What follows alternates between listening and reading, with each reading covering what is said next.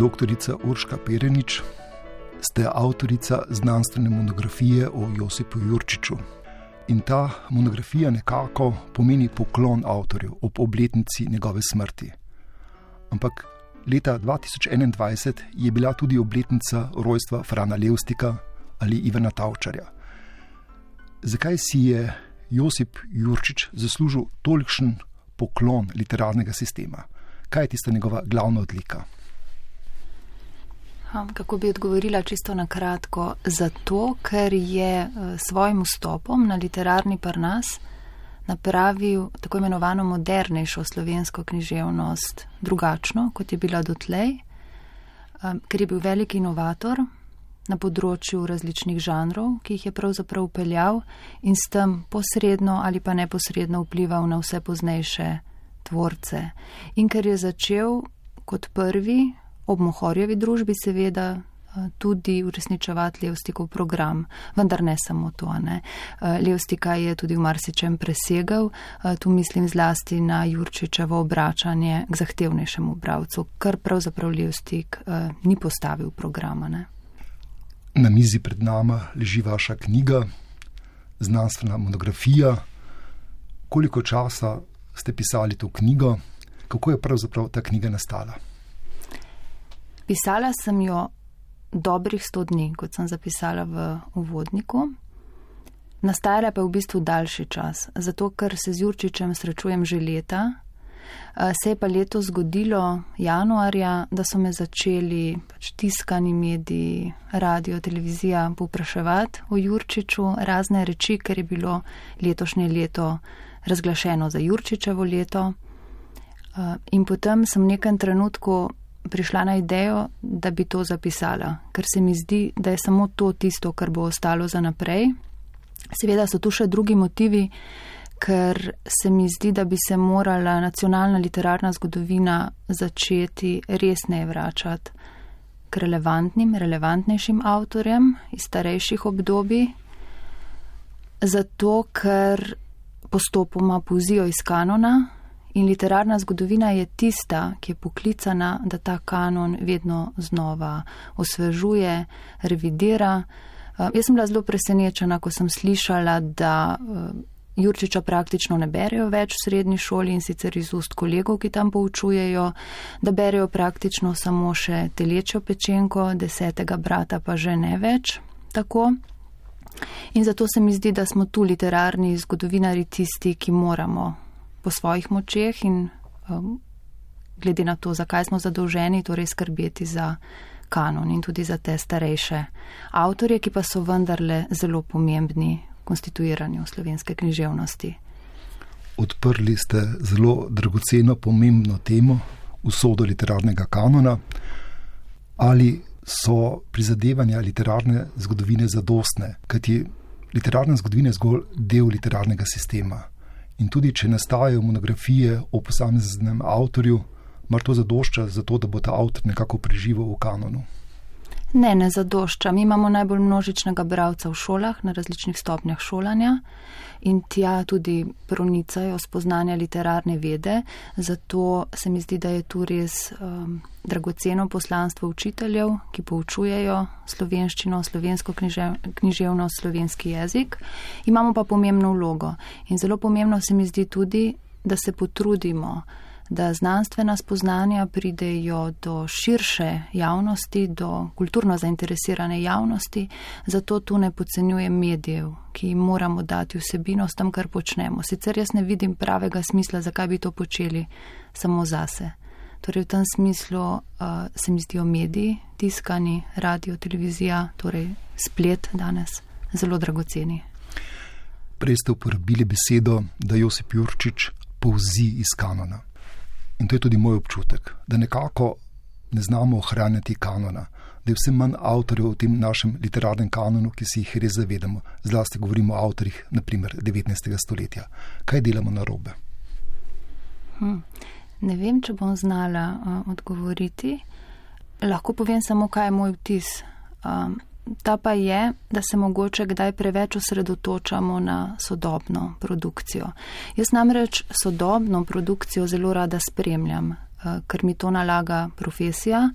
Zelo rada sem informirana, rada tudi veliko berem, vendar pa menim, da se včasih preveč sprašujemo, tudi univerzitetni učitelji, ali bo nekaj tistim, ki nas poslušajo, všeč, ali bodo ob tem uživali. Jasno je, da starejših avtorjev ne beremo na enak način kot sodobnih, tudi sama jih ne.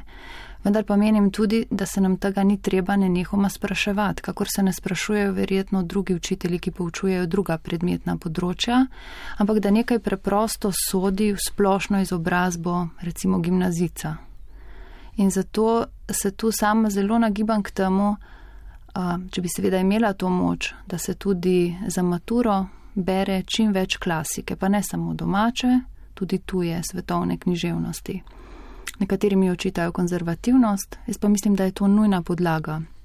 Torej, da to poznamo in da potem na teh podlagah spoznavamo tudi tisto, kar nastaja sočasno. Prej ste omenili občutje, željo visokošolskih učiteljev, da bi nekako v narekovajih ugajali. Mar to priča, da je ta visokošolska skupnost ni dovolj samozavestna, da je odvisna od tega ugajanja. Vse to bi morali povprašati tudi uh, moje kolege. Jaz namreč to pravim zase, ne?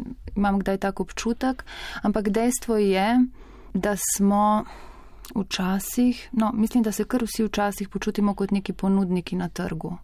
Morda tudi zaradi tega nenehnega ocenjevanja, spraševanja, ali je nekaj v redu ali ni.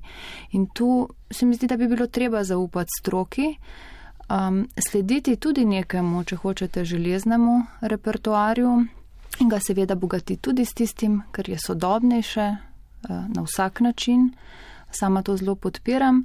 Uh, ampak ja, včasih se mi zdi, da se to dogaja v bistvu na vseh nivojih šolanja da se preveč sprašuje učence, dijake, študente, ali je nekaj v redu ali ni. In dejansko se včasih, tudi kolegi mi to povejo, počutimo, tako kot sem prej rekla, ne, kot neki ponudniki. Mi dva se pogovarjava o nekem procesu siromašanja nacionalnega literarnega kanona. Zdaj pa, če bi poskušali morda spremeniti perspektivo, da bi poskušali bogatiti ta kanon katerega avtorja, oziroma še bolje avtorico, bi predlagali, da sodi v nacionalni kanon? Zdaj, kar se tiče nacionalnega kanona, se sama strinjam s tistimi, ki pravijo, da mora preteči določen čas. Jaz mislim, da je to vsaj 70 let. Zato se tudi imenujemo literarna zgodovina. In zato sama recimo tudi ustrajam pri predmetu obdobja in slogi, da nekje poskušam spredavati, kolikor je pač mogoče v obsegu ur, ki ga imam. Avtor je tja do 50-ih, 60-ih let, torej še manj kot 70 let. Torej, kdo bi sodil? Jaz sem recimo opazila, da študentje ne poznajo avtorja, kot je denimo Beno Zupančič. Zdaj ne vem, ali je on del kanona ali ni. Jaz bi rekla, da ga precej slabo poznajo. Ali poznajo Hinga? Lani sem gotovila, da ga ne ali poznajo Pavleta Zidarja. Govorim torej zdaj o teh um, avtorjih, ki so modernizirali prozo po vojni in se odmikali od neke socrealistične poetike. Um, torej je vprašanje, ne? Ko sem vas vprašal o bogatitvi, o dopolnitvah literarnega kanona, sem imel nekoliko v mislih celo 19. stoletje. Uh. -huh.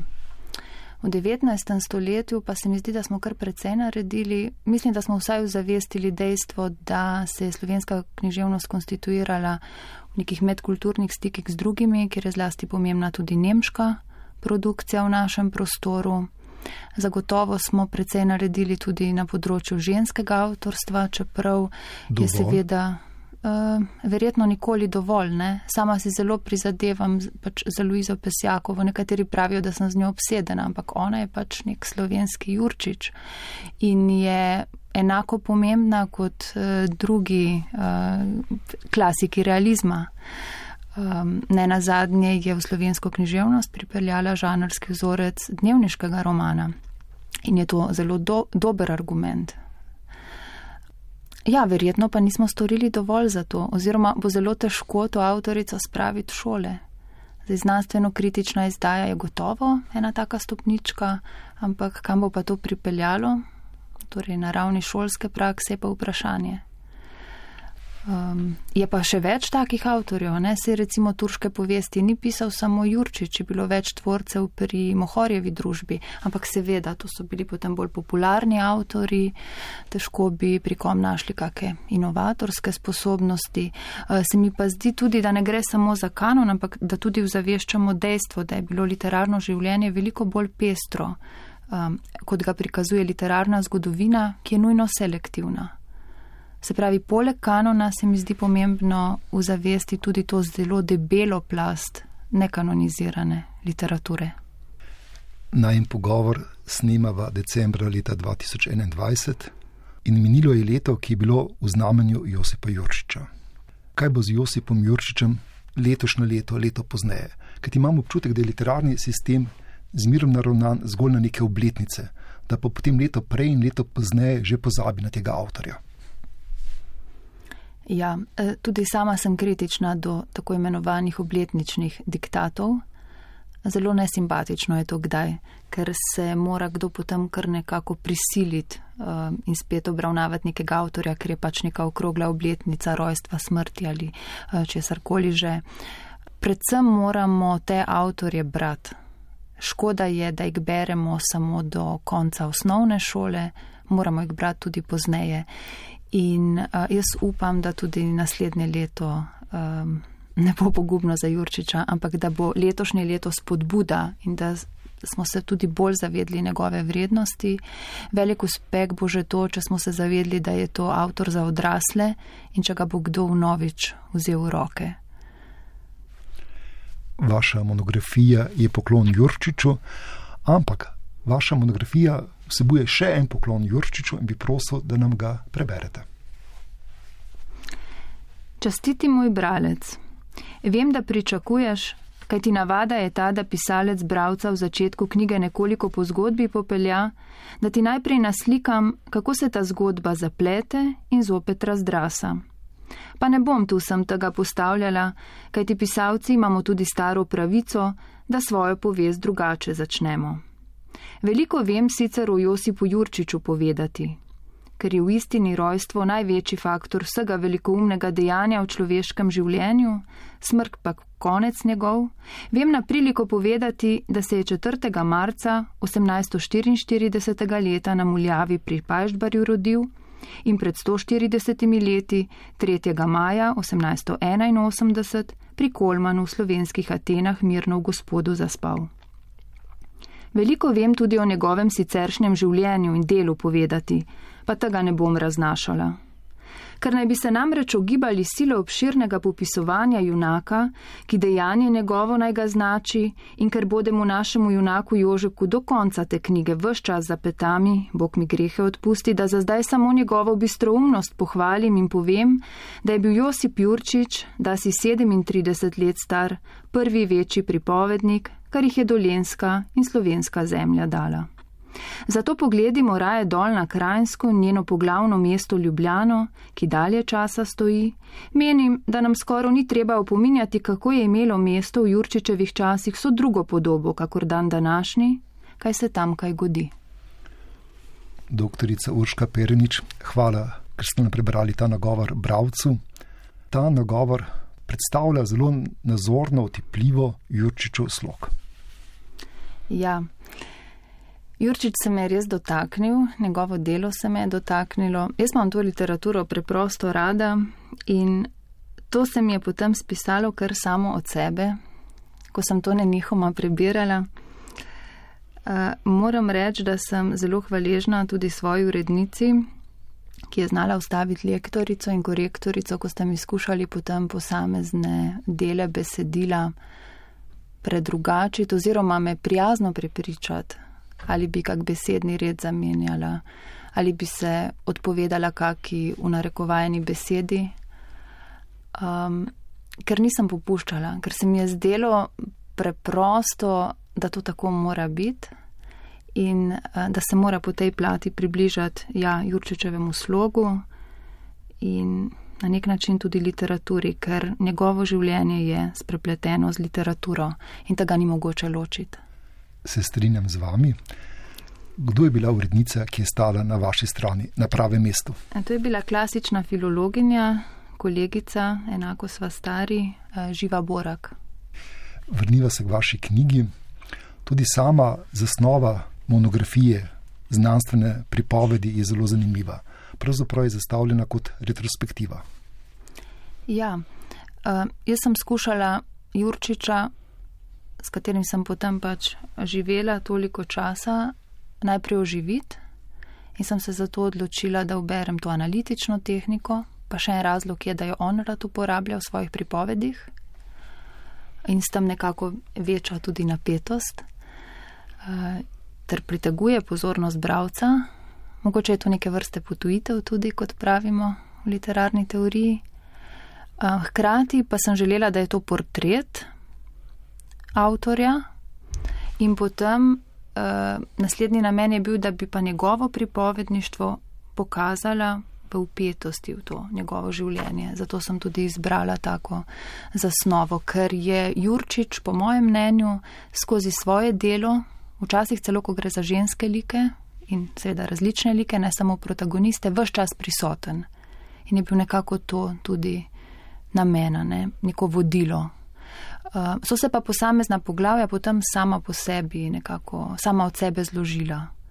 Um, Vi ste bili v enem prostoru, poglavja po drugem. Ja.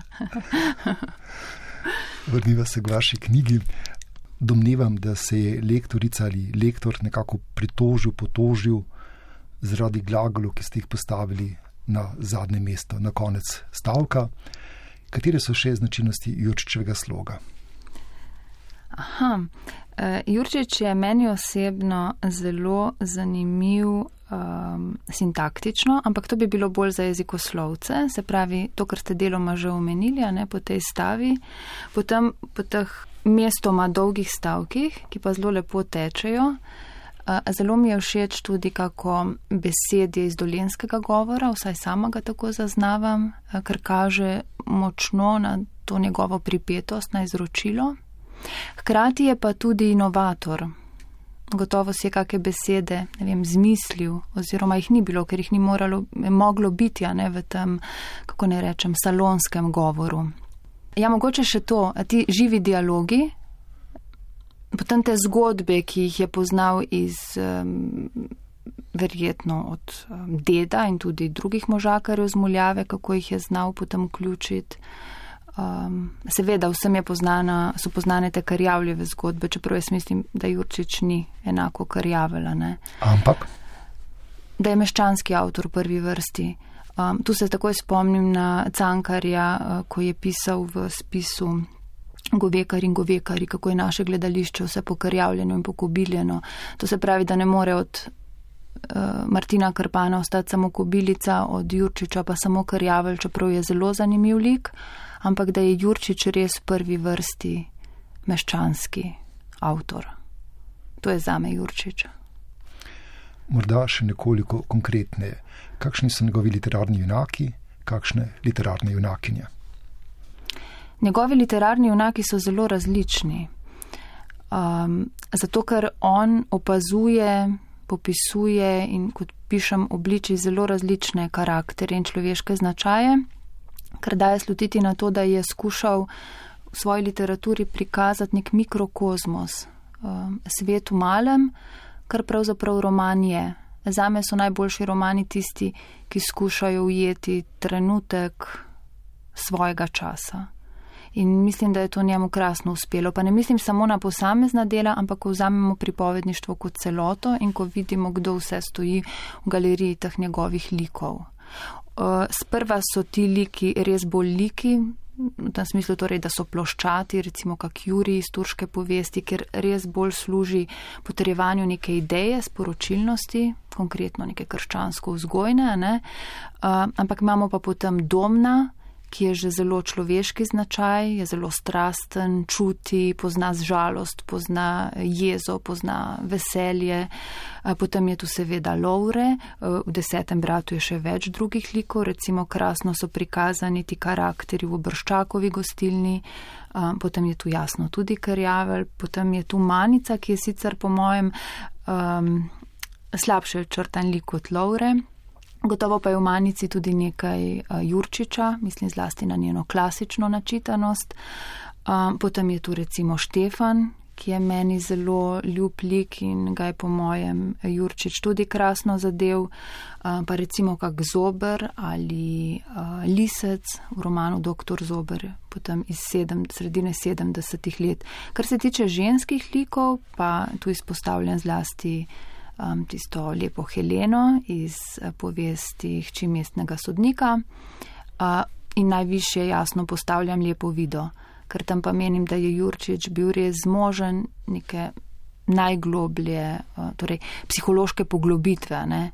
Lika, ki je tu krasno prikazan, mislim zlasti na to njeno nezadržno hrepenenje, bolečino, žalost, ki jo uspe tako krasno prikazati in je zato tudi umetniško prepričljiv. Hkrati pa je ta lik meni zanimiv, zato ker je po eni strani hrepenenski lik, po drugi strani pa pokaže, kako ta vida tudi, kot pišem, dohrepeni in na koncu izgubi vso to svojo vitalnost. Zdaj ste predstavili galerijo Jurčičevih likov, ne? ampak njega spremlja zlasti zaradi desetega brata, nek tak sloves, da so ti njegovi junaki, junak, pravzaprav nekako trpni.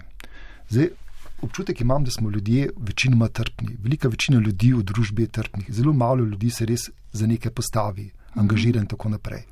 V kolikšni meri ta nek predsodek do Jurčičevih junakov, do njihove trpnosti drži?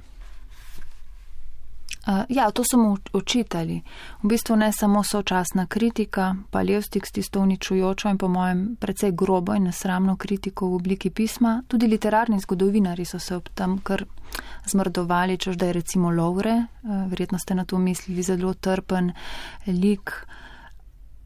Jaz se s tem ne strinjam, sej uh, ljudje smo lahko zelo aktivni tudi navznoter, pač ljudje čutimo. Ne?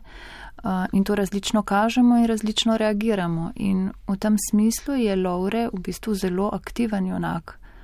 On um, se zelo veliko ukvarja s svojimi čustvi, recimo v romanu, svojim, svojo ljubeznjo, svojim odnosom do manice in pravzaprav zelo trpi, je zelo trpeč lika, ne?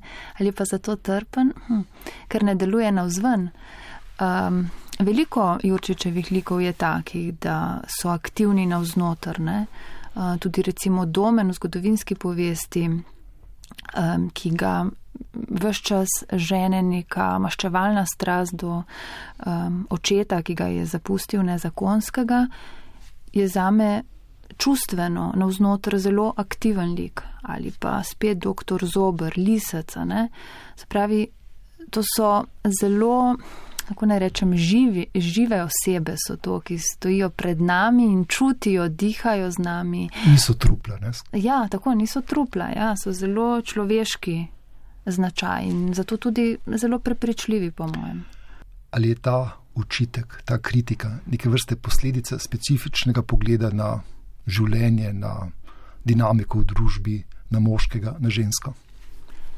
Ja, verjetno bo nekaj na tem, eh, zagotovo pa je eden od razlogov tudi ta eh, funkcija, ki jo je imela slovenska književnost v smislu te narodne spodbudnosti.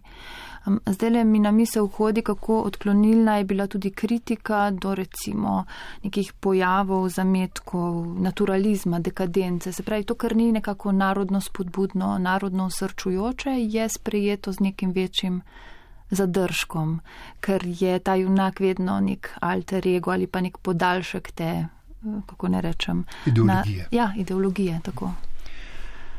Ne vem, koliko poslušalk in poslušalcev posluša najem pogovor, zagotovo dosti. In če bi jim zdaj priporočali zgolj eno Jurčičevo delo, roman, povest, humoresko, vašo odločitev, katero delo bi jim priporočali in zakaj? In mogoče, kakšno, omenili ste že lepo video, če lahko vseeno predlagam kakšno delo, ki ni mogoče v tolikšni meri v neki širši kulturni zavesti.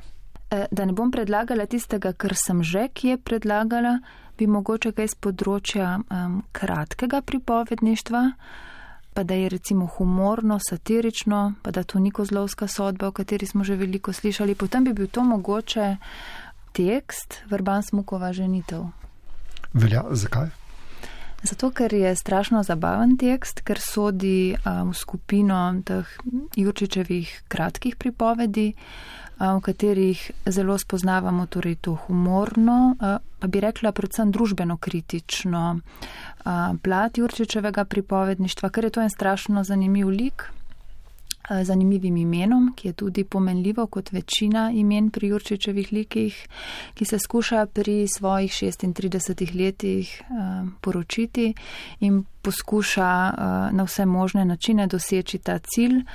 Um, prepisati se skuša celo v drugo vero, krivo vero, da bi dobil denar in bi si s tem zagotovil pač neko materialno podlago, odide v Ljubljano um, kjer ga neki fantini na eh, špitalskih ulicah pretepejo, uh, potem pa ga uh, frančiškan, pater Felicijan, prepriča, naj vendarle ne počne teh neumnosti. Um, ta tekst je po svoje zabaven, ampak krati je pa zelo pikro in ostro. Prikazana tudi pritlehnost družbe, um, tako da je ta vrban smog, kolikor je um, duševno, omejen, uh, zrcalna slika družbe, ki je pravzaprav še slabša in uh, družbe, ki ne zmore prepoznati človeka, ki je pa v svojem bistvu dober in ima veliko srce. In se mi zdi, da se tudi iz takih tekstov lahko tudi danes marsičesa naučimo. Ena izmed odlik te pripovedi, te humoreske, je tudi ta, da vsebuje vrsto skoraj da filmskih prizorov, da je zelo dinamična pripoved, da se res uh mhm. -huh. dogaja. Ne? Mhm. Ja, pa v Ljubljano je postavljena, ker pri mhm. Jurčiču v bistvu ni tako um, pogosto, sicer uh, gre tu res bolj za umeščanje, ker je sploh za en značilno. Ja, pa hkrati ne.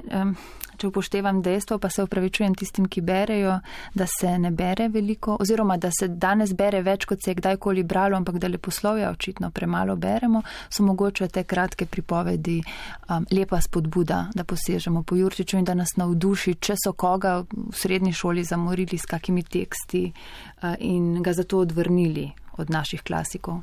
Vas bom prosil še za eno priporočilo.